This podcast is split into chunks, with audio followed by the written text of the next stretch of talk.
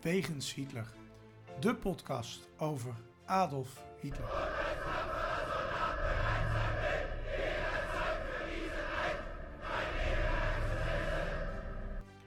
Dictator, alleenheerser van 1933 tot 1945. Een man met miljoenen doden op zijn geweten.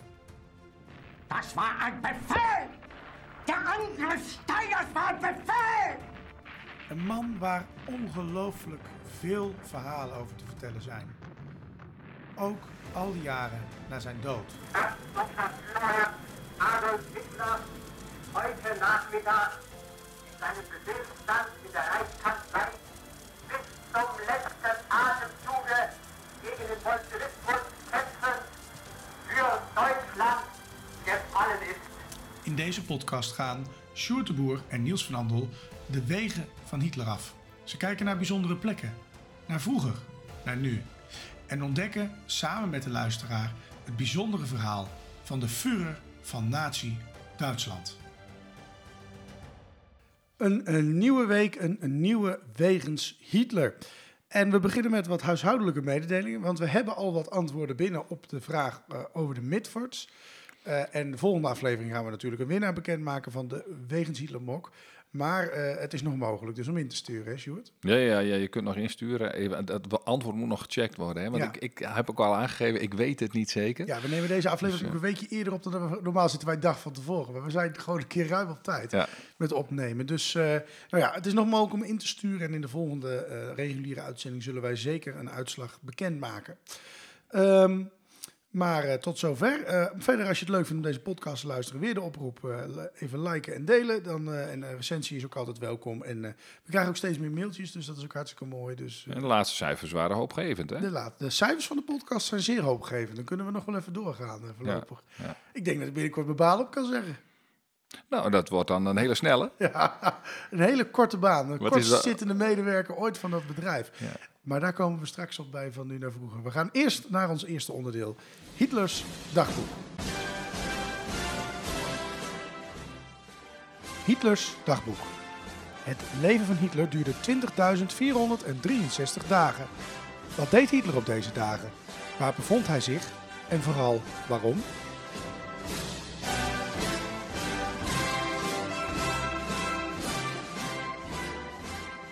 Ja, deze podcast komt online op een 28 oktober eh, 2022. Maar wij gaan naar 28 oktober 1937. Wat was het toen, eh Sjoerd?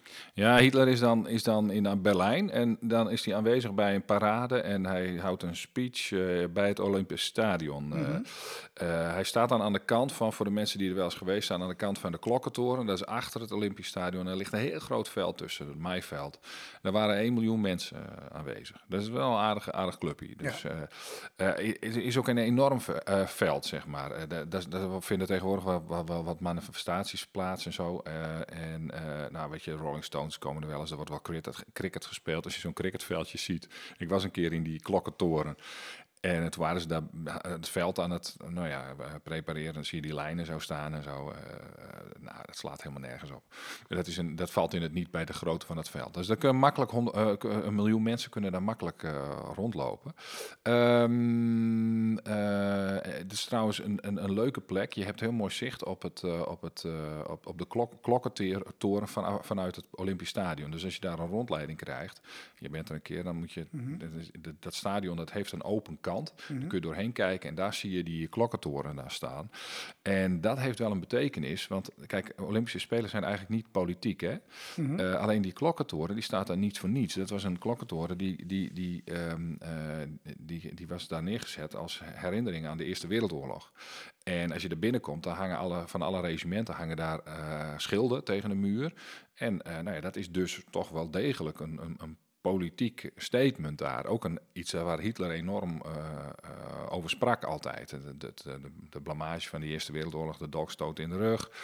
Ehm, eh, dus, dus die Olympische Spelen waren daar wel degelijk politiek. Dus dat, dat is ehm, nou ja, alleen al het gat in het stadion waardoor je naar die klokkentoren kon kijken. Nou, dus mooie plek. Ga er een keer kijken. rij eromheen. Als je het stadion hebt bekeken en ga aan de achterkant van het stadion, ga even bij die klokkentoren omhoog. Dat, dat is, er zit een klein, eh, ja, het is geen museumpje, maar je kunt die zaal in. En je kunt even van boven een mooie foto maken van het stadion. Ehm, nou ja, en dat is het. De, je bent er vaak eh, waarschijnlijk niet langer dan een kwartiertje binnen, maar het is wel leuk om te zien. Ja. En we hebben er ooit ook een aflevering over gemaakt. Hè? Dus die is zeker ook het eh, terugluisteren waard. Ja. Ehm, ja, we gaan een bijzondere plek doen. Dus we gaan naar de plek. De plek. Bijzondere plekken of verhalen die te maken hebben met Hitler. Ja, een eh, alternatieve invulling eh, deze keer. Eh, we gaan wat, wat verschillende plekken af, maar we doen dat naar aanleiding van luisteraarsvragen. Want we krijgen er tegenwoordig steeds meer. Dus Ja, ja. dat is op zich leuk. mooi. Ehm, en we gaan gewoon de eerste serie eens eventjes eh, eh, behandelen. Eh, ik heb hier een uitgeprint WhatsApp berichtje die jij hebt binnengekregen eh, van een luisteraar. En ehm, daar staat, ik vroeg me af ehm, ehm, of we het misschien eens met feit of fabel kunnen doen. Nou, we, gaan- we gaan daar nu dus ook eh, stiekem even aan de Ja, gang. Hè? ja, ja. Want er, eh, het, het gerucht gaat dat Hitler een Joodse lijn in de familie had. En stel dat dat zo was, staat er, hoe is het gelukt om dat te verzwijgen? Dit zou namelijk een heel groot schandaal geweest zijn in die tijd. Dus de vraag is eigenlijk, had Hitler een Joodse familie? En als dat zo was, hoe heeft hij dat ooit eh, geheim kunnen houden, Sjoerd? Ja, ja, nou ja, weet je, ehm, eh, wat we trouwens wel even doen, eh, voordat ik antwoord geef op jouw vraag, Ja, ehm, welke plek hoort bij dit verhaal? Ja. Want het is de plek, hè? Dus Ja. dat moeten we wel even doen. ja we moeten niet stiekem ons onderdeel veranderen. Want voor het weet Nee, nee, nee, nee, podcast nee, nee. tot- En dit zouden we dan misschien wel weer doen in, in, in dat onder, tijdens dat onderdeel, eh, eh, wat is het? Naties in het nieuws? Ja. Ehm, eh, nee, de, de, de plek waar, waar het hier om gaat, waar de basis ligt voor dit verhaal, dat is Stroons en Dollersheim in, in, in, in En die plekken bestaan niet meer. Eh, die, die plaatsjes die zijn er niet meer. Eh, dat is, het ligt een beetje in het noorden van het land, eh, richting Tsjechië. Ehm, daar woonde een, een, een meisje. En, en de vraag is natuurlijk, eh, daar, komen we straks wel op terug, van, van hoe, hoe, eh, hoe kon hij dat verstopt houden? Nou, eh, in deze periode speelt dat nog niet, want Hitler is niet bekend. Hitler leeft nog niet, zijn vader leeft nog niet eens. Ehm, en hier hebben we het over de, de grootmoeder van, de overgrootmoeder van, van, van Hitler, Maria Anna Schickelgruber. En ehm, eh, eh, en die, had, eh, die, die, die, die was zwanger. Er wa- maar er waren ook twee broers in die omgeving en die heette Hitler. Eh, dat was nog niet gespeld als Hitler met een T, maar goed. Eh, de voornamen zijn wat verwarrend van die jongens. En dus die noem ik even niet. Eh, maar dat meisje dat is zwanger. En, eh, dat en die krijgt dan op een gegeven moment een kind. En dan is, het, is de kwestie, en ik vertel het gewoon even heel simpel. eh, er stond geen vader ingevuld op, in de documenten. En eh, kijk, als dat kind is geboren, dan wordt hij Alois genoemd. En dan is het te gekke dat de ene broer, die gaat bij Marianne Anna wonen. De moeder van de vader van Hitler is heet namelijk Alois Hitler. Daar gaat het dan over. En Alois gaat bij de andere broer wonen.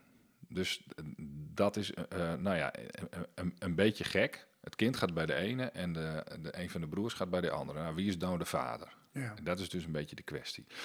Ehm, als je gewoon naar die papieren kijkt en hoe dat verder is gegaan. Nou, en als die broer die, die, die, die, die, die met, met die Marianne Anna leefde, ehm, eh, gestorven is, dan, dan eh, wordt jaren later pas, dan wordt op de plek van, eh, van, van die leeg was, in die formulieren, wordt de naam van die overleden broer ingevuld. Dus dat is ook weer een beetje gek. Ehm, er komt allerlei twijfel over. En eh, alleen die, die twijfel is helemaal niet bekend. Dus eh, eh, over die bloedlijn uit de familie, daar wordt helemaal niet zo heel erg veel gespeculeerd. Dat is helemaal geen kwestie. Misschien dat Hitler er iets van heeft vermoed. En was misschien ook wel bang dat hij wat, nou ja, wat bloed had dat dat niet helemaal was zoals hij dat voor, voorstond. Maar ehm, die, dat, is, dat is eigenlijk geen kwestie geweest. Als trouwens die, die Alois eh, niet de vader was geweest van Adolf Hitler, was er sowieso niks aan de hand geweest. Hè. Dan, dan had nooit iemand erover gehad. Dan was er ook niet gesproken over Joods bloed. En eh, ja, er was gewoon helemaal geen sprake van. Er Nee. was iets met die broers en dat was niet helemaal duidelijk. Ja. Ehm, nou ja, dat. Uiteindelijk, hè, in de jaren twintig, wordt hij pas geconfronteerd, Hitler, met dat, eh, dat mensen beginnen te zeggen, hij is een Jood. We hebben het er zo gehad over die kranten, hè, die dat ook over hem publiceerden. Ehm, maar dat had niets met eh, eh, die verdwenen dorpjes, zal ik maar zeggen, te maken. Er toch ook nog iets eh, anders was daar toch wel gebeurd. Ja, ja. eh, eh, we, we- hebben er een mooie uitzending over, een aflevering over gemaakt volgens mij, over de, de, de gifkeuken. Hè? Ja. Dat, we gaan dus ook naar München. We gaan weer even terug naar die Altheimer Act, waar, waar die gifkeuken, dat is een, een socialistische krant, hebben we toen ook uitgelegd. Ehm, en die haakt enorm op Hitler in met alle middelen. En daar begint eigenlijk het verhaal van, van, van Hitler als Jood. Want hij geeft ontzettend af op de Joden in die tijd al, tijdens zijn speeches. Dus echt in het begin van de jaren twintig al. Ehm, en dan ze denkt die krant, nou, dan pakken we hem gewoon op. En blijkbaar hebben partijleden ook gezegd van hij gedraagt zich als een Jood, want hij was niet te vertrouwen, want hij wilde eigenlijk meer macht dan, dan, hem, dan hem toekwam volgens die mannen. Er was een soort richtingenstrijd gaande. Ehm, eh, en dan, dan, dan zeggen ze dat hij eigenlijk een soort onbetrouwbare Jood is. Ehm, maar over dat verhaal van die twee broers, eh, dat, dat, dat, was onduidelijk. Daar ging het helemaal niet over. Daar had het niks mee te maken. Nee. Ehm, dan is er ook nog wel sprake van dat Hitler eh, Joodse voorouders zou hebben gehad. Hè? Ehm, ehm, ja, wat heeft daar met, met, met de plaatsen te maken en dat soort zaken? Ja, wanneer dat bekend, wanneer dat, want dat blijft dus, dus natuurlijk rondhangen, Ja. die, die, die vraag. Dat is, dat is eh, nou ja, da- dan, dan, dan, dan moet je naar Nuremberg. Nuremberg, eh, ja, laten we zeggen, ga naar de plek waar de rechtbank staat. Echt de moeite waard om een keer naartoe te gaan. Eh, Mhm. daar is een museumpje. Je kunt ook in de zaal waar, waar Geuring en de mannen en, eh, hebben gezeten en waar ze terechtgesteld worden. Als daar niet een zaak wordt behandeld, dan kun je door een raampje kun je, kun je even kijken. Dat is een beetje teleurstellend hoor. Maar de- die zaal wordt nog steeds gebruikt. Ja. Niet helemaal in dezelfde opstelling, maar ja, die zaal is er dus gewoon nog. Ehm, eh, kijk, ehm, die, die, die, als Adolf Hitler aan de macht komt, dan wordt die, krant natuurlijk uitgeschakeld. Ehm, er werd niet meer over gesproken. Dus eh, er zullen alleen wel geruchten zijn geweest, ook in de jaren 30 bijvoorbeeld. Maar eh, wanneer het pas echt eh, duidelijk wordt dat er twijfel is en wanneer mensen echt gaan speculeren over, over Hitlers Joodse voorouders, dat, dat, dat is voor de historici in ieder geval, naar aanleiding van Hans Frank. Dat was een advocaat en, en, en hij heeft eh, in, in het oosten eh, zeer smerige spelletjes gespeeld. Ehm, was verantwoordelijk voor, eh, voor Polen volgens mij. Die zou de opdracht hebben gekregen om dit uit te zoeken al een tijd daarvoor. En die beweerde toen in zijn cel dat hij toen, en dat is al, al voor 1945, 46 zeg maar, allang had uitgevonden dat Hitler mogelijk een halfjood was. En ehm, nou ja, kijk, die Hans Frank kreeg, doodstraf, dus ik weet niet in hoeverre hij eh, ermee bezig was om zijn eigen, eh, eh, nou ja, zichzelf een beetje te beschermen en dan wilde dingen te roepen. Misschien afstand te nemen van Hitler. Ehm, dat weet ik niet, maar eh, dat, dat gebeurt ook niet. De, hij wint er niks mee, want eh, hij krijgt de doodstraf. En zijn boek wordt dan gepubliceerd in 1953 en dan gaat het eigenlijk pas los. Dan, dan, dan komt die, dat verhaal eh, de wereld in. Historici springen er natuurlijk op en nou ja, die, die niet ingevulde plek in het register duikt op. Ehm, die Hans Frank heeft zelfs namen genoemd. Een familie Frankenberger, eh, daar was sprake van. En die woonde dan in Graas. Maar dat is dan wel weer onderzocht. Want er woonde helemaal geen familie Frankenberger in Graas in die tijd. En verder was er ook helemaal geen bewijs. Dat, ehm, Frank is dan natuurlijk ook dood. Dus ik kon ook niet doorvragen van... Hey, kom, hoe kom je daar nou bij? En ehm, nou ja, goed, dat was eigenlijk het hele verhaal. Die, die, die, die, die Hans Frank heeft waarschijnlijk iets verzonnen, maar er was natuurlijk wel sprake van een lege plek. Dat wil niet zeggen dat daar een Jood stond. Het kan ook, ja, in die tijd was misschien de administratie ook iets minder eh, zuiver dan dat hij nu is. geloof. Ja, en dat gebeurde wel vaker. Dat, eh, er is later wel, hebben ze dus die, die, die naam van die broer daar neergezet. Dus, dus eh, waarom hebben ze dat gedaan? Was dat, en waarom waar heeft die man die, die Alois zelf heeft opgevoed, de vader van Hitler, eh, zeg maar, en, eh, nou ja, waar- waarom heeft die niet zijn eigen naam erop gezet? Dat vind ik wel een kwestie. Ja, Wat, wat speelde daar dan? Er zijn wel wat theorieën over, maar eh, het, het hele verhaal dat hij Joods bloed had, is eh, waarschijnlijk verzonnen. Maar het is natuurlijk wel eh, een leuk verhaal om te vertellen. Dus je ziet het op internet overal. ja dat klopt. Ehm, maar wij herhalen dus, Hitler was geen Jood, want bewijs was er niet voor, simpelweg. En zonder bewijs niet schuldig, om het maar even zo te zeggen. Ja, als u Ehm, schuldig kunt zijn ja, van... aan het zijn van Joods, een- maar je bedoelt, snap wat ik bedoel. Hè? Ja, geen ja, bewijs, ja. geen... nee, eh, noem het maar even, dan krijgen we daar weer reacties op. je weet maar nooit. eh, hè. wie weet groeien we dan uit tot grootste proporties. Gebruik het woord liquideren in ieder geval, maar niet. nee, precies. Nou, in deze Dan context al helemaal niet trouwens. Word ik natuurlijk. geheim gefilmd. Ja. Ehm, er was ook nog een andere vraag eh, die wel overging, ook over jodenhaat van een luisteraar. En ik lees de vraag even voor. Ik blijf mij afvragen of de jodenhaat van Hitler wel zo echt gemeend was als hij deed voorkomen. Of dat het in de periode 1918-1940 niet vooral een middel of een manier of een excuus was om de gewone man voor zich te winnen. Het misgunnen zal vooral in, de, in het feit eh, gelegen hebben dat in de Joodse gemeenschap misschien een hoger percentage mensen zelfstandig ondernemer was. Nooit een schriftelijk bevel gegeven heeft Hitler voor de totale vernietiging van de Joodse gemeenschap, meen ik. Hij liet de invulling daarvan eh, voornamelijk aan Himmler en de SS over. Hitler wist het natuurlijk, ehm, zo zegt de luisteraar, maar dat is wel een goede vraag. Ja, vind ik ook. Ja, ja. eh, eh, eh, hoe zit dat nou met die jodenhaat? Hè? Was die nou echt zo gemeend of was het, eh, was het opportunistisch wat hij deed? Ja, Nou, hij- heeft heeft met- hij nooit het bevel gegeven? Dat, nou ja, al dat soort zaken. Ja, nou ja, dat, dat, dat, gaan, we, dat gaan we bespreken. Eerste plekken even. Hè. Ja. kijk, in, we gaan naar München, want daar doet hij zijn eerste anti-Joodse uitspraken. Daar, kun je, daar kun je dan krijgt hij een soort opleiding van het leger.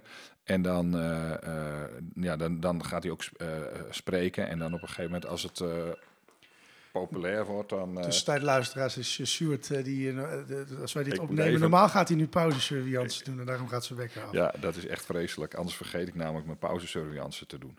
Ja, Maar dat geeft niet, we laten hem gewoon even lopen. Eh, ehm, wij waren met die plekken bezig. München, dus die eerste Joodse, anti-Joodse uitspraken doet Ja. hij daar. We- van Wenen, als we het daar toch over hebben, als je in mijn kamp leest, dan zegt hij dat hij daar eigenlijk een soort van antisemiet wordt. Ehm, hij, hij komt daar voor het eerst een, een Jood tegen op straat en hij vraagt zich af van, hey, eh, eh, wat is dit voor iemand? Dit is toch geen Duitser? Eh, de vraag is een beetje of, of daar, als, kijk, als dat daar ontstaan is, dan is hij in zijn jeugd al een, een, een, een, een antisemiet geweest. Ehm, nou, dat, dat kan. Eh, maar dat betekent ook, hij, nee, laat nee, ik zeg het even anders. Eh, hij heeft ook zijn best gedaan om zijn, zijn, zijn visie zo vroeg mogelijk te dateren, zodat hij, zodat hij kon aangeven van, ja, weet je, ik vind dit al langer en ik ben daar standvastig in en, het is, en, en, en ik, ik, ben ook een soort genie. En eh, dus, dus de vraag is voor historici ook van, eh, is dat wel zo? Klopt dat wel? Dat hij daar al een echte antisemiet was? Waarom verkocht hij dan nog eh, tekeningen en postkaarten aan Joden bijvoorbeeld? En waarom, nou ja, dat soort vragen. Ehm, dan gaan we, Berlijn is natuurlijk ook, ook een, een plek waar je moet zijn als je het over, over, eh, eh, eh, over de Joden wil hebben. Ehm, over Hitlers visie daarop. Ehm, kijk, voor het parlement deed hij daar een, een, een, een, belofte, een hele trieste, harde belofte, die, dat, hij, nou, eh, dat de Joden het zouden merken als er weer een tweede, eh, als er een tweede wereldoorlog zou komen. Eh, dat heeft hij ook uitgevoerd. Ehm, ja. dan heb je in Berlijn in de bunker en dan komt hij nog eens terugkijkend, komt hij nog eens een keer, gaat hij nog eens een keer even eh, eh, praten over van alles en nog wat.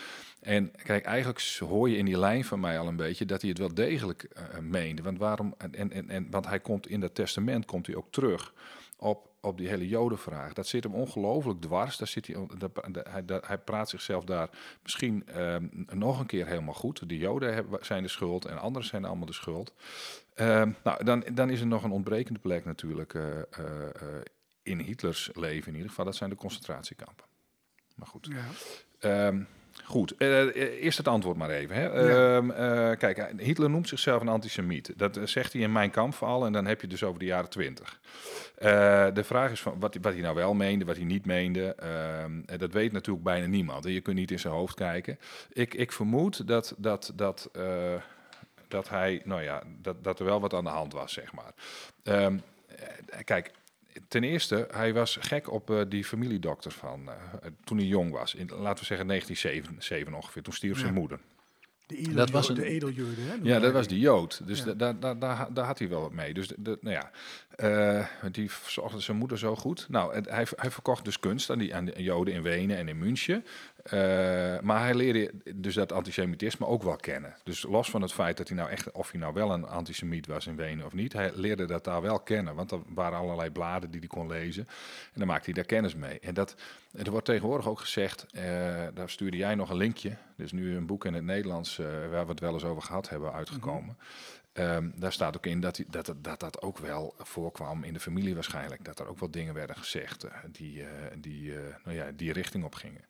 Ehm, hij vertelt dat dus wel in mijn kamp, maar ik vind het nogal overdreven. Dat hij dat zo op die, op, op die datum al pint. Want hij, kon dat, dat hele antisemitisme kon hij helemaal niet gebruiken of zo. Dat is helemaal niet, niet, niet. En dat zit meer in de lijn van de vraag. Is het nou iets dat je gebruikt?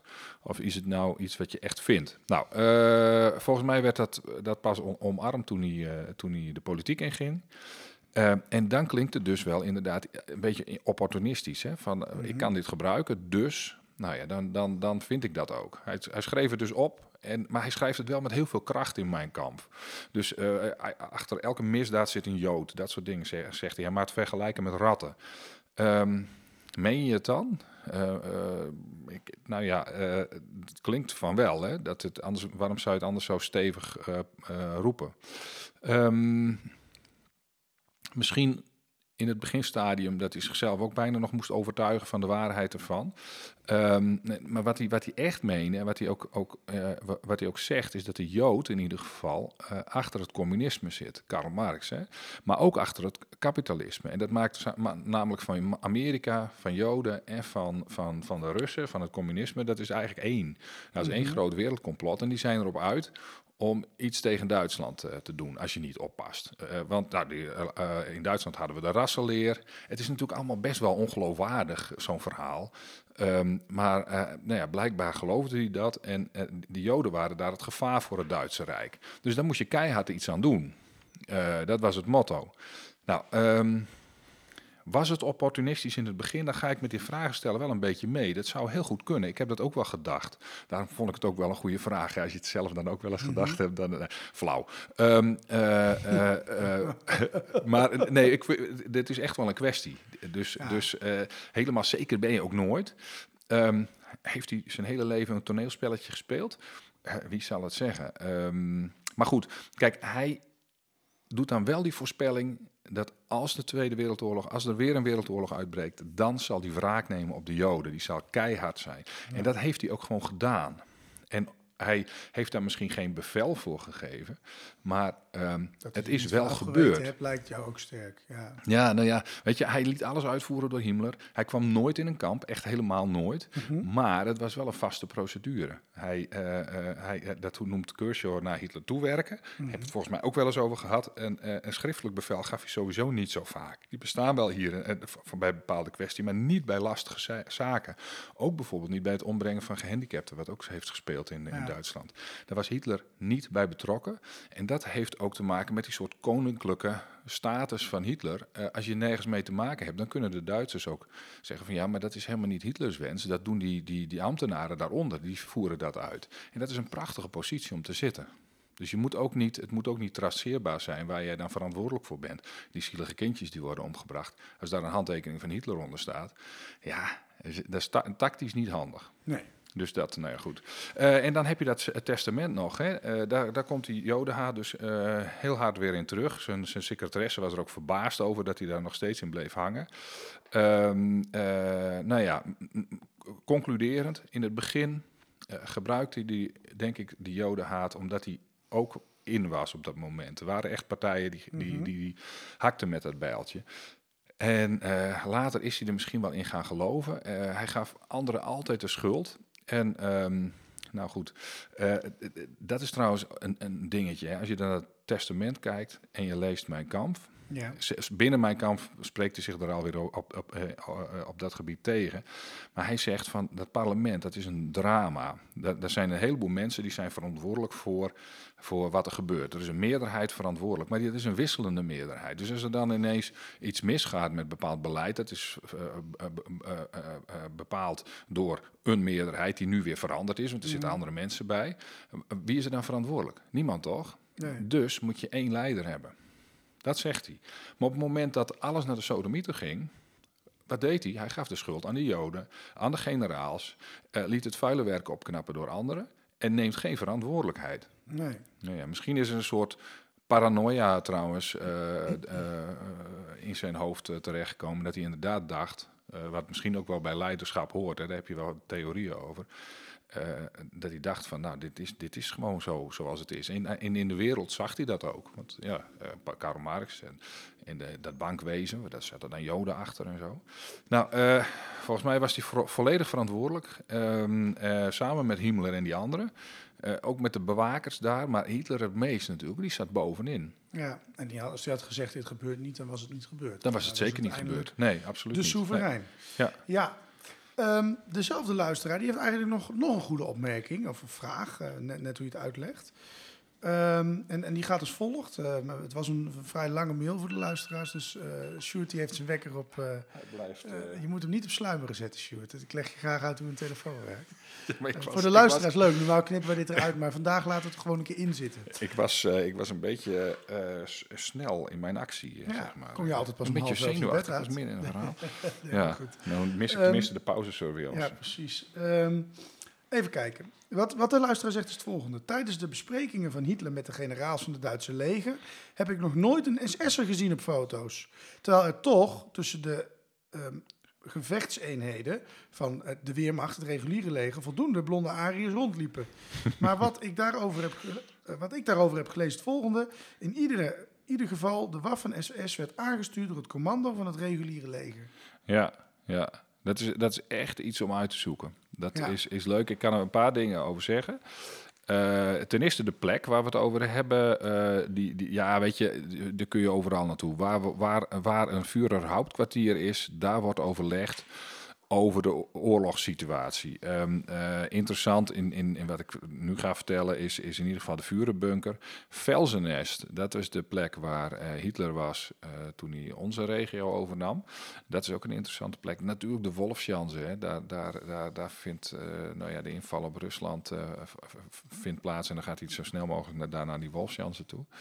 Ehm, het is wel een ingewikkeld verhaal, want ik, kom, ik, kom er, ik kwam er niet heel snel achter. Dus ik heb nog een boek in de kast staan en dat, dat ga ik eens even doornemen. Eh, Albert Speer heeft er ook nog over geschreven, over de slavenstaat. En, eh, maar er is wel iets aparts aan de hand. Want ehm, kijk, de SS was onderdeel van de partij.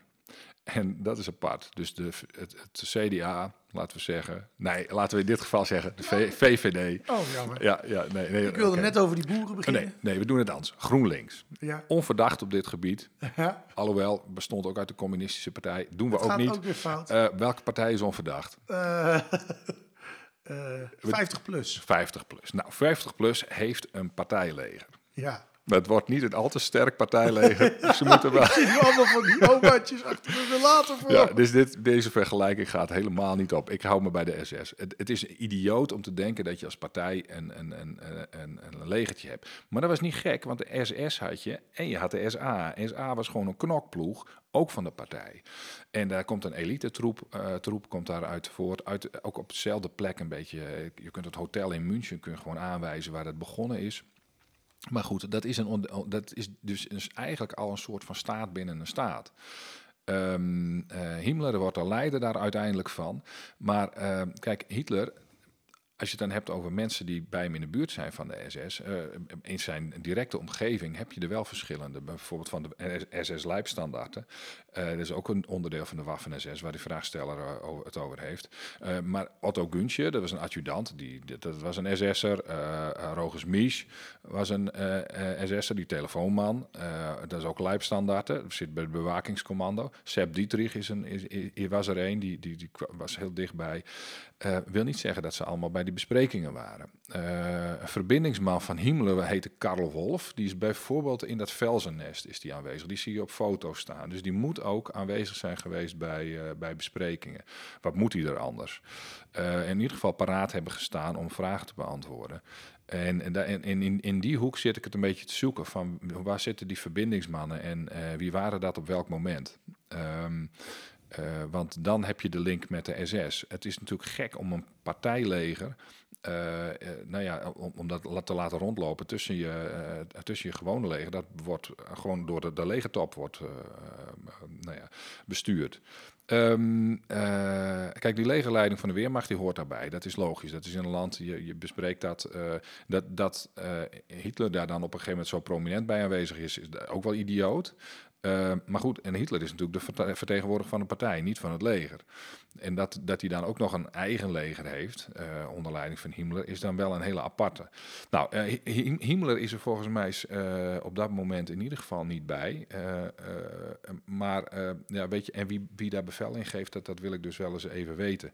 Het zou leuk zijn om een keer een specialist te vinden die dat weet en om die eens een paar vragen daarover te stellen, want ik vind het wel heel interessant. Wat je wel kunt, en daar heeft, heeft hij het ook over in zijn vraag, in, in, in, Rusland heb, heb je bijvoorbeeld de SS, die, die wordt verdeeld over die legergroepen A, B en C, die dan Ja. op verschillende plekken van het land binnentrekken. En daar worden ze gewoon aan toegevoegd. Dus dan moeten ze ook onder het gezag van, van, van, eh, van de Weermacht hebben gevallen. Eh, maar ja, je had ook weer van die losse figuren, de Einsatzgroepen, die de meest vreselijke dingen achter het eh, front uitvraten. Ehm, eh, en de bewaking van de kampen.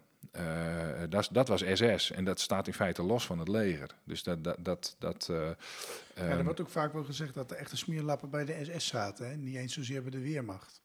Nee, en, en de fanatiekelingen ook, die, die, die echt politiek overtuigd waren, want het zijn in feite partijleden. Eh, ze hadden ook de beste middelen op een gegeven moment, want er kwam ook, eh Himmler die regelde natuurlijk ook dat, dat er wel goede wapens waren. Ja. Dus dat, is ook, dat vind ik dan ook weer interessant. Dat las ik gisteren nog. Ik denk, hé, hey, dat- maar dat is, ehm, eh, is dat ook een reden waarom ze eh, het zo goed deden? Ehm, nou ja, eh, er moet volgens mij flink zijn overlegd hoor. eh, want er moet duidelijk zijn wie het, wie, wie het bevel voert. Alleen eh, dat ligt helemaal niet aan de oppervlakte. Je kunt het niet zo even, e- even opzoeken. Dus nou ja, goed, ik ga eh, weer aan de studie. Ja, nou, ik, eh, ik ben benieuwd. Maar eh, in ieder geval al een klein beetje antwoord op deze luisteraar. Dezelfde luisteraar die vraagt ook nog iets over Himmler. Eh, iets over dat hij een staat in een staat wilde bouwen of dat hij een einde aan de macht wil willen maken. Hij zegt dat als volgt. Dan kom ik bij Himmler. Die verdenk ik ervan, zeker vanaf 1942, dat hij een machtsovername, dat hij daar niet vies van zou zijn geweest. Was hij een rijk in een rijk aan het opbouwen? En ik heb ook wat artikelen gelezen over de occulte kant van Himmler. Onder andere wat zich in kasteel Wewelsburg afspeelde, wat onder zijn leiding werd opgebouwd. Ja, wat kun je daarover vertellen, Sjoerd? Ja, die Wevelsburg, daar hebben we het ook wel eens over. We hebben al heel veel dingen besproken. Hè? Dat is wel, wel, Ja, wel mooi om te constateren. Ja. Er zijn ook nog een heleboel dingen om wel te bespreken. En dit soort eh, mooie vragen helpen daar natuurlijk ook weer bij. Wevelsburg, vlak bij Nederland, is te bereiden in een dag. Ga er naartoe, ga eens kijken. Want er zijn, het is een heel mooi eh, museumpje. En eh, dan leer je ook wel een beetje over hoe, wat daar wel zeg maar, gaande is. Het occulte daarvan, dat wordt wel een beetje overdreven. Eh, kijk, en Noord... Was een occulte.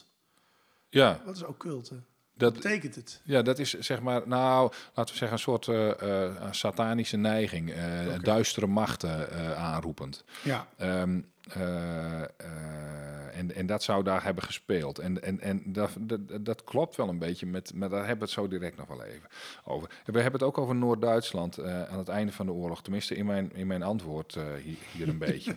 Eh, daar gaat, eh, nou ja, goed. Eerst, eerst Wevelsburg, dat verhaal met dat Arische ras en de verering daarvan, dat speelt daar wel. En dat, dat, dat- als je ook die uitzending van, van heet het, History Channel, waar we de vorige keer Ja. over hadden, Als je die bekijkt- ja, dat is, dan, dan doen ze daar ook een, vertellen ze daar ook wat over. Van, van hoe zit dat met dat, met dat, met dat Atlantis en zo. En hoe waren dat dan Duitsers? Dachten ze dat echt? Ehm, eh, dus daar zit echt wel een vleugje occultisme misschien in. Eh, maar dat, was, dat Wevelsburg is echt een, mislukt project gewo- geworden. Dat, dat, dat zou een soort ereplex worden voor SS'ers en voor, eh, met familiewapens en zo, weet ik veel wat. En dan moesten ze voor alle SS'ers moesten ze dan een familiewapen creëren. Maar die, die, die SS'ers waren soms gewoon, eh, hadden helemaal geen adellijke familie of zo. Dus dan, dan klopte dat weer niet. Ehm, eh, dus dus dat, dat is best echt wel, wel leuk om daar eens te gaan kijken. Er is wel in de toren is een, is, zijn twee kamers zijn nog gerealiseerd. En die, die zijn echt wel te bekijken. Eh, en er is heel veel documentatie te krijgen daarover. En dat, dat doen ze heel erg, eh, eh, weet je, de d- downsizen ze, zo heet dat tegenwoordig heel netjes. Ehm, eh, dat occultisme wel een beetje. Dus, maar ja. dat, dat Himmler daar wat mee had, dat is, dat is, dat is in combinatie met die rassenleer, dat klopt. Kijk, ehm, over de SS werd inderdaad gesproken als een soort, soort basis eh, voor een staat. Binnen een staat zijn ook boeken over geschreven. En de, eh, eh, kijk, daar was Adolf Hitler natuurlijk bij de SA al bang voor. Hè. Daarom heeft, dan heeft hij de SA uitgeschakeld. En bij de SS gebeurt dan ongeveer hetzelfde. Maar dat was eigenlijk veel beter georganiseerd en, en natuurlijk niet openbaar als het ging om de ordeverstoring. Eh, wel als het gaat om terreur en om de kampen en het oppakken van mensen, de Gestapo en zo. Da- daar zaten zij natuurlijk achter. En dat zorgt wel voor angst, maar die SA die ging echt gewoon een knokpartij op straat uitvoeren. Dus dat, dat, moest, moest weg, want Hitler moest natuurlijk ook zorgen voor een soort van rust in de staat. Eh, en die Himmler die had ongelooflijk veel macht. Naast de partij natuurlijk buiten het leger om, buiten de politiek. Kijk, kijk buiten de politiek, want, want Hitler had natuurlijk de politiek een beetje in, in, in zijn greep. Maar, maar Himmler die, die, die, die, die kan dus gewoon dingen doen. Ja, eh, eh, heeft een legertje daarvoor zelfs. Nou, ik heb in, in, in mijn laatste boek, De Vlucht uit Hitlers Bunker, ik noem het nog maar eventjes. Overal verkrijgbaar. Ik zie die trouwens op de plank liggen. Ja, dat is dat mooi, dat is mooi. Eh, eh, daar, daar vertel ik. Nee, dat is, het is wel interessant. Dan vertel ik over de rest van de, van de leiding van het Rijk. eh, hoe, die, hoe die aan het rondom Hitlers einde. Dan heb ik het over Speer en dan hebben we het over Dönitz. Hoe die met Himmler omgingen. En en dat is echt, dat was voor mij ook een eye-opener tijdens het schrijven. Ik dacht van jeetje, wat, wat, wat, een, wat een moeilijk gedoe eigenlijk om die Himmler. Dus het blijkt gewoon dat ze bang voor hem waren. Waarom? Hij had nog best wel wat mannen rondlopen die zwaar bewapend waren. En hij wil wel overleggen, maar bijvoorbeeld Dönitz niet. En dan heb je een telefoongesprek, is dan, is dan, eh, wordt dan gevoerd. Want Dönitz die heeft namelijk de orde gekregen van Hitler om, om, om, om Himmler terecht te stellen. Maar Dönitz durft dat helemaal niet. Ehm, en wilde dat ook niet meer op dat moment.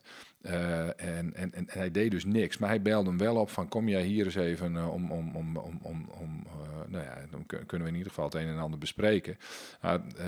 Nou ja, goed. ehm, eh, dat, dat gesprek dat loopt heel raar. Eh, ik, ik geloof dat, dat, dat eh, eh, Himmler degene is die belt. Maar eh Dönitz wil niet komen naar de telefoon en dat soort ge- gehannes. Moet ik weer even opzoeken hoe dat, hoe dat precies ging. Maar eh, dat, het zit allemaal moeilijk. En dan komt hij toch uiteindelijk toch. Dan heeft hij ook mannen bij zich. Ehm, Speer, dat is ook zo'n figuur. Die, die, die heeft in die dagen heeft hij, eh, meerdere keren overleg met Himmler. Maar als hij dan voor de, eh, eh, zeg maar voor de rechter staat, dan geeft hij het daar natuurlijk niet meer over. Hij ontkent dat in zijn boeken. Hij is daar nooit geweest. Eh, nou ja, mensen hebben het gewoon gezien. Ehm, kijk, die, die, die, die, die man, die Himmler, die ging natuurlijk over de kampen. En de speer wilde er natuurlijk niet over praten voor de rechter. Nee. Dat hij met die gast overlegd had. Dus, ehm, nou ja, dat. ja, dus dat zijn wel een beetje natuurlijk ja, duidelijke zaken. Ehm, die Himmler, je zegt de hele tijd ook, eh, je zei net ook, Dönitz had het bevel gegeven aan Hitler om hem terecht te stellen. Hè? Waarom?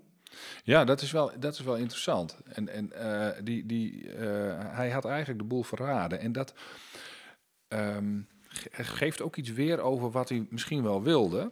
Ehm, en over zijn macht. En, en dat staat in een staatverhaal.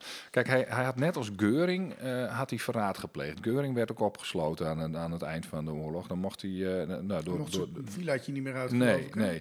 Want die had een, er was sprake van een, eh, van, een, van een brief die hij had gestuurd aan Hitler. waarin hij zegt van ja, volgens mij, ik hoor niks meer van je. Hij zat op de Ober Salzberg, Hitler in Berlijn, ik hoor niks meer van je. Ik, ik, ik wil, als ik niks van je hoor, dan neem ik de macht over. Eh, dat is natuurlijk voor Himmler ook een interessante kwestie, maar die had hier niks mee te maken. Dus Keuring viel uit de gratie, kreeg niet niemand kreeg de opdracht om hem om te brengen. Maar hij werd wel koud gesteld, zeg maar. Ehm, eh, en Himmler, die had iets, eh, iets veel ergers gedaan nog. Die had contact gezocht via via, Zweden bijvoorbeeld, met de Britten. En hij wilde wel onderhandelen met de Britten. Die kwamen van de goede kant, want de Russen moest hij niet mee onderhandelen natuurlijk. Hij deed een aantal vrouwen uit, eh, uit, uit kampen deed hij in de aanbieding, als het ware. Zo, zo lomp stel ik het maar. En tussenpersoon kon die vrouwen nog redden ook. Dus dat is prachtig dat het gebeurde. Eh, maar contact met eh, de leiding van Groot-Brittannië is nooit gelegd. Sterker nog, die hadden wel de info en die lekte dat. En dat, zo kwam het bij Hitler. Hitler hartstikke boos. En eh, die gaf dus de opdracht om, om daar wat aan te doen. Dönitz durfde dat op dat moment niet meer. Nee. En zo komen we aan het einde van dit onderdeel de plek waarin we een aantal interessante luisteraarsvragen hebben weten te behandelen. Nu weten we dat er geen bewijs is voor Hitlers Joodse voorouders en waar het verhaal vandaan kwam. We vermoeden dat Hitlers op de opportunistische jodenhaat steeds serieuzere vormen aannam. En zelfs aan het einde van zijn leven bleef hij de joden onder vuur nemen, tot het bittere einde. En hoeveel macht Himmler in die periode had, toen alles ineen stortte, was er niets meer over om te terroriseren. Het overnemen van de macht was er niet van gekomen. Want ook al was Hitler dood, er was geen macht meer om te vertelen. Dat deden de geallieerden wel voor ze.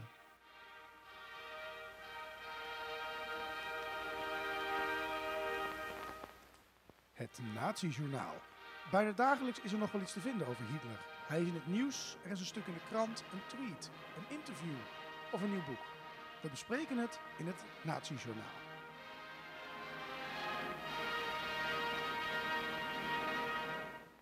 Ja, in Naties in het nieuws vandaag eh, een drietal zaken die we kort nog even willen noemen. Eh, en we beginnen met een eh, bijzonder dik boek. Dat heet eh, Berlijn, eh Sjoerd. Dat heb jij meegenomen. Je hebt mij ook cadeau gedaan recent. Dus, eh, Ja, ja, jij nam afscheid als, als collega op, op school in ieder geval. Als collega bij de, bij de podcast zijn we nog lang niet klaar. Nee, nee, nee. Dus dat gaat niet gebeuren. Ja, ik, ik heb het nog niet gelezen, maar ik was direct getriggerd door het boek.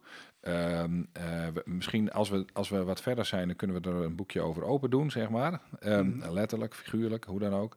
Eh, ik, ik deed het open en toen las ik, elke stad heeft zijn geschiedenis, maar Berlijn overdrijft. En ja, als je zo opent, dat is iets waar als ik in Berlijn rondloop, dan roep ik altijd zoiets. Niet zo in zo'n mooie zin, want deze zin ga ik natuurlijk jat, jatten.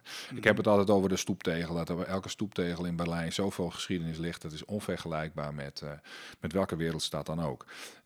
Als het gaat om de geschiedenis van de, van de, van de laatste tijd. Ehm, eh, laatste eeuw, zeg maar. Eh, anderhalve eeuw. Ehm, ik, ja, weet je, en, en dan staat er op de achterkant ook weer van, van alles. Je weet nooit of het betrouwbaar is, maar ik, ik, ik lees even voor. De Times zegt dit, een boek om van te houden. McKay schrijft me, meeslepend en goed. eh, en wat hij schrijft is altijd raak en wijs. Het is in ieder geval niet iemand van de uitgever, dus dat, dat scheelt. ja. Dit boek is voor iedereen die Berlijn een beetje kent en erdoor gefascineerd is, maar, eh, maar het graag beter zou willen begrijpen. Nou, eh, Ja, want dat, voor, daarom voor denk voor ik. mij een beeld van de luisteraar. Berlijn was toen, het was eigenlijk de hele vorige eeuw, zal ik maar zeggen, de wereldstad van, zeker tot de Tweede Wereldoorlog, was echt een wereldstad, epicentrum zo'n beetje van de wereld. Ja, nou ja, in ieder geval, eh, als je kijkt naar de geschiedenis, heeft alles zich daar afgespeeld. En, Ja. en na die, die Tweede Wereldoorlog natuurlijk, eh, eh, krijg je daar, manifesteert zich daar de, juist op die plek de Koude Oorlog. Mhm. Ja. En, en die gaat door tot 1989. En dan krijg je de her- her- hereniging. En dan, kijk, dan is, is dat met die geschiedenis is natuurlijk, eh, ja, dan wordt het gewoon een onderdeel van de gewone geschiedenis. Alleen, ja, alles wat er vlak voor gebeurt is, vormt de basis voor, eh, voor wat we nu aan het doen zijn eh, daar. Dus ja, Berlijn, ja, belangrijke stad. Eh, Misschien een belangrijk boek. Ja, precies. Nou, leuk boek. Ja, nog een ander boek, een roman over de vader van Hitler. Ja, nee, geen roman. Hij heet Oh. zo. Oh, de man heet Roman. Ja, roman eh Sandgruber. Oh, nou, fantastisch. is, maar wel een eh, roman, eh, dus een boek, moet ik dus zeggen. Ja, we hebben het erover gehad. En ehm, eh, we hebben een speciaal over de jeugd gedaan van, van, van Hitler. En, en dat boek, dat had ik toen al in het Duits. Ehm, en die heeft wat brieven gevonden op, op plekken. En dat is nu in het Nederlands uit. Dus daar gaan we niet langer reclame voor maken of zo. We hebben het er al over gehad. Dan moet je Ja. maar even terugkijken naar het, Ja. over die, een, een, een, een aflevering over de jeugd van Hitler. Ehm, er staan wel wat eh, opmerkelijke dingen in voor de echte kenners. Als het echt gaat om Hitler, dan, dan eh, nou ja, goed, het gaat wel echt over de vader van Hitler. Dus dat, dat, daar moet je wel in geïnteresseerd zijn. Ja. Nou ja, goed, ook misschien interessant om iets over zijn eh, familie te leren natuurlijk. Ja. Ehm, dan nog een dingetje dat ik vond in de, in de Gelderlanden, maar het staat dan ook op het AD geloof ik. Ehm, dat, dat gaat over Ian Kershaw. Dat is, nou denk ik, ja, als je een beetje Tweede Wereldoorlog fanaat bent, dan heb je wel een boek van hem gelezen. Eh, ik kan me niet voorstellen van niet. Nee. Eigenlijk haast. Ehm, ik weet nog dat ik in eh, de vierde klas zat en daar hing toen een poster tot de laatste man. Dat ging, eh, was van Incursion, dat was een boek. Ja. Ja. Dat was besproken. Dat beschrijft eigenlijk die laatste zes maanden van het Derde Rijk. Goed Beetje boek. vanaf die day. Heel goed boek. Heel interessant boek ook. Ehm, maar goed, ehm, hij zegt, en dat is een beetje ook actueel nu natuurlijk, dat Poetin absoluut niet vergeleken mag worden met Hitler. Nee. Eh, en hij gaat dus eigenlijk een beetje in op die ehm ad Hitlerums eh, die wij wel eens bespreken. Hè? Van, eh, je kunt mensen daar niet zomaar mee vergelijken. Ehm, Ehm, ehm, want- Nee, en hij houdt er ook niet van, hè? Nee, nee, hij vindt wel eh, dat je zou kunnen zeggen, hij heeft wel wat weg, eh, Poetin op dit moment van de hopeloosheid van Hitler in de laatste fase van de oorlog. Ja, dat als gegeven, dat kun je met elkaar Ja. vergelijken. Eh, ja. en, en iets met de paranoia van Stalin had hij ook wel wat gemeen. Want Stalin was natuurlijk eigenlijk ook... nou, Ja. Beide waren het grote boefjes. Ehm, eh, zowel Hitler als Stalin. Ja, dat is meer een leiderschapsprincipe dan, de- denk ik, dat hij dat, dat misschien wel bedoelt of zo, dat, dan dat je nou die twee mensen met elkaar moet vergelijken. Nee, precies. Maar meer van hun, hun, hun eh, ja, ik wil bijna kwaliteiten zeggen als Nou leider. ja, of wat ze meemaken en Ja. waardoor ze zich zo gedragen en zo. Ja, dat, Dat mag ja. je wel zeggen, maar je kunt niet zeggen eh, dat het een en één hetzelfde is. En dat hij eh, Hitler is of Stalin. Of, Nee, en de, de situatie is ook natuurlijk compleet anders. Alleen ja, je, hij, hij dringt zich zo op, hè, die vergelijking, omdat het weer over de Oekraïne gaat. En, en dat deel van, eh, van Europa. Ja. Ehm, in het artikel wordt ook gesproken over dat het wel interessant is om te bekijken wat, eh, eh, wat, wat er nou zou gebeuren als Hitler ehm, ehm, echt met zijn rug tegen, of Hitler, Poetin, echt Poetin, met echt, zijn ja. rug tegen de muur zou staan. En hij zegt daar ook van, Hitler wilde toen het Duitse volk straffen en zou niet mogen profiteren en dat soort zaken. Die wilde Duitsland vernietigen. En daar kwam iets waardoor ik echt een beetje getriggerd werd door het artikel. Want dan begint hij Albert Speer te verdedigen. Daar Ja, ja, dat dat ja, Albert klopt. Speer de keizer Nero-bevelen, zoals ze ook wel genoemd werden, van, eh, eh, van Hitler, eh, negeerde en naast zich neerlegde. Ja, En dat hij die vernietiging niet deed. En dat, dat, dat hij hoopt dat er om Poetin heen ook dat soort mensen opstaan. ja. Eh, nou, dat is toch een beetje dat beeld van die goede natie dat daar dan toch weer naar voren komt. Ja, en daar is best wel twijfel over hoor, over dat, over dat gegeven. Misschien, maar kijk, hij heeft, hij heeft ook niet alles opgeblazen, dat klopt ook. Alleen dat zo, zo enorm naar voren brengen en eh, laten zien van ja, maar ik ben ook echt een goede natie en ik heb ook goede dingen gedaan en ik wilde Hitler eigenlijk ook wel ombrengen. Ehm, eh, en, en weet ik veel wat allemaal. Dat heeft, daar heeft hij zichzelf, zeg maar, een, een, een, een naoorlogs leven mee, eh, nou ja, mee eh, geholpen. Dat, dat had in ieder geval. Ehm, eh, en dat wordt wel betwijfeld. En Ja. het kan best zijn dat hij... Kijk, hij zal niet actief eh bij Brugge zijn gaan opblazen. Ik weet ook niet of hij daar de man voor was. Om, Nee, om maar dat te goed. doen. Maar hij kon dat wel... Hij heeft het misschien ook... Heeft hij, het heeft hij het ook niet... Hij heeft het niet wel gedaan ook, hè? Nee. Maar om dat zo op de trommel te rammen en Maar te hij zeggen stond van... wel ik was, bovenaan. Hij was minister, hij stond vrij hoog in de pikorde. En Nou ja. eh, laten we eerlijk zijn, hij heeft de oorlogsindustrie eh, steeds heel ge- gereorganiseerd. Zonder zijn kunsten had die oorlog korter geduurd waarschijnlijk. Nou ja, als dat inderdaad het, het geval is, dan is hij een- juist degene die dus verlengt. Dus zou de, als je dat dan weer legt op Oekraïne, dan, moet, dan gaat die oorlog dus nog langer duren. Want Ja. dan worden er nog meer wapens geproduceerd. En dat is, dat is in ieder geval het ware verhaal dan. Ja, ja dus het is, het is, het is, en zelfs dat lastig. overdreef hij, Ja. Speer. Van die cijfers die kloppen ook niet. Nee, Eh, precies, het is lastig, nou ja. heel lastig. Speer was een leugenaar, dat, dat weten we wel. Ja, nou ja, toch bijzonder dat Kershaw dan toch... Ja, hij, hij wordt ouder, denk ik. Ja, wellicht, eh, wellicht is dat het. eh. Nou ja, wat, wat, wat interessante zaken die we zijn, zijn tegengekomen. We gaan snel naar ons laatste onderdeel, want de luisteraars die zijn er bijna in slaap gevallen. Eh, van nu naar vroeger. Van nu naar vroeger. Wat speelt er nu in ons nieuws en hoe zat dat in de tijd van Hitler?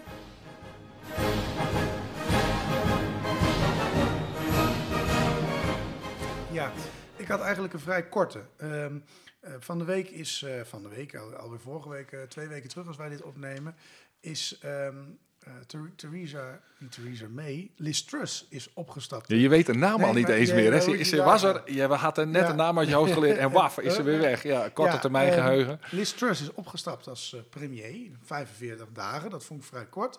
En dat rees bij mij de vraag van, is er in het Derde Rijk wel eens iemand geweest die, de, die net door de deur was en er toen er weer uitgetrapt werd? Ja, tegenwoordig wordt er heel veel geroepen dat was dat maar bij Rutte gebeurt.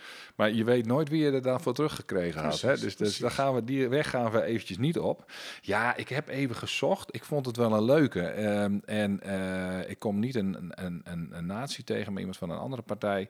Vond ik ook wel een leuk verhaal. Eigenlijk direct voor Hitler komt Kurt von Schleicher.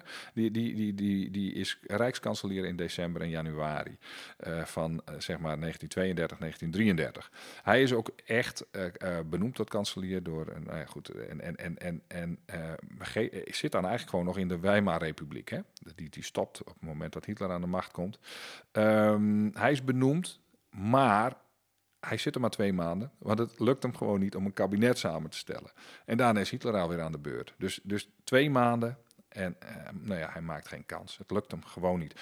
Eén triest geval is wel dat hij waarschijnlijk dankzij nou ja, zijn rol in die periode, dat hij vermoord wordt tijdens de Reunputsch, de Nacht van de Lange Messen. Maar ja, hij kwam dus niet eens aan de macht. Dus dat is wel een stevige straf. Ja, dus waar hij niet toe kwam aan formeren, kwam Truss niet toe aan regeren. En met die bombshell gaan wij deze uitzending eindigen. Een uitzending waarin we bijzondere plekken zijn afgegaan. En waarin één ding duidelijk was. Hitler was een opportunist en Himmler heeft de macht nooit gekregen.